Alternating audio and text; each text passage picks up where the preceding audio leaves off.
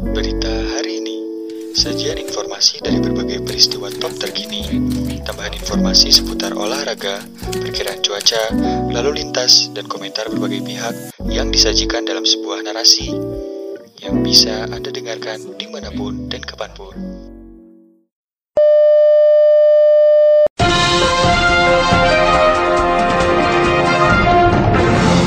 Solo, zona hitam corona. Kasus virus corona atau COVID-19 di Solo, Jawa Tengah meningkat drastis hingga mencapai penambahan 18 orang pada hari ini. Gugus Tugas Percepatan Penanganan COVID-19 menyebut kota Solo tak hanya kembali ke zona merah, namun zona hitam. Biasanya bertambah 1-2 orang, hari ini bertambah 18 orang. Sudah bukan zona merah lagi, zona hitam, kata Ketua Pelaksana Gugus Tugas Percepatan Penanganan COVID-19 Solo Ahyani Minggu 12 Juli 2020. Jumlah tersebut banyak disumbang dari klaster tenaga kesehatan atau Nakes RSUD Dr. Muardi atau RSDM.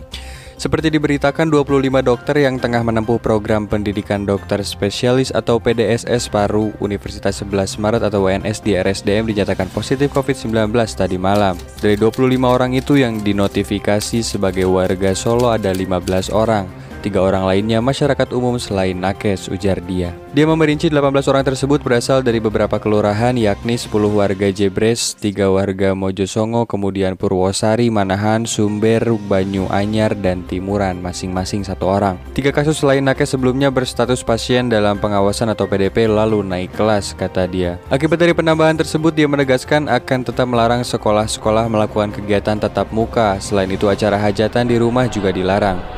Kemarin malah ada yang mau bikin pasar malam, pokoknya sekolah masih belum kita izinkan tatap muka. Hajatan di rumah tidak boleh, hajatan di tempat umum dengan protokol kesehatan, ujar dia. Sementara itu dengan adanya tambahan 18 orang positif tersebut, total ada 63 kasus positif virus corona di Solo.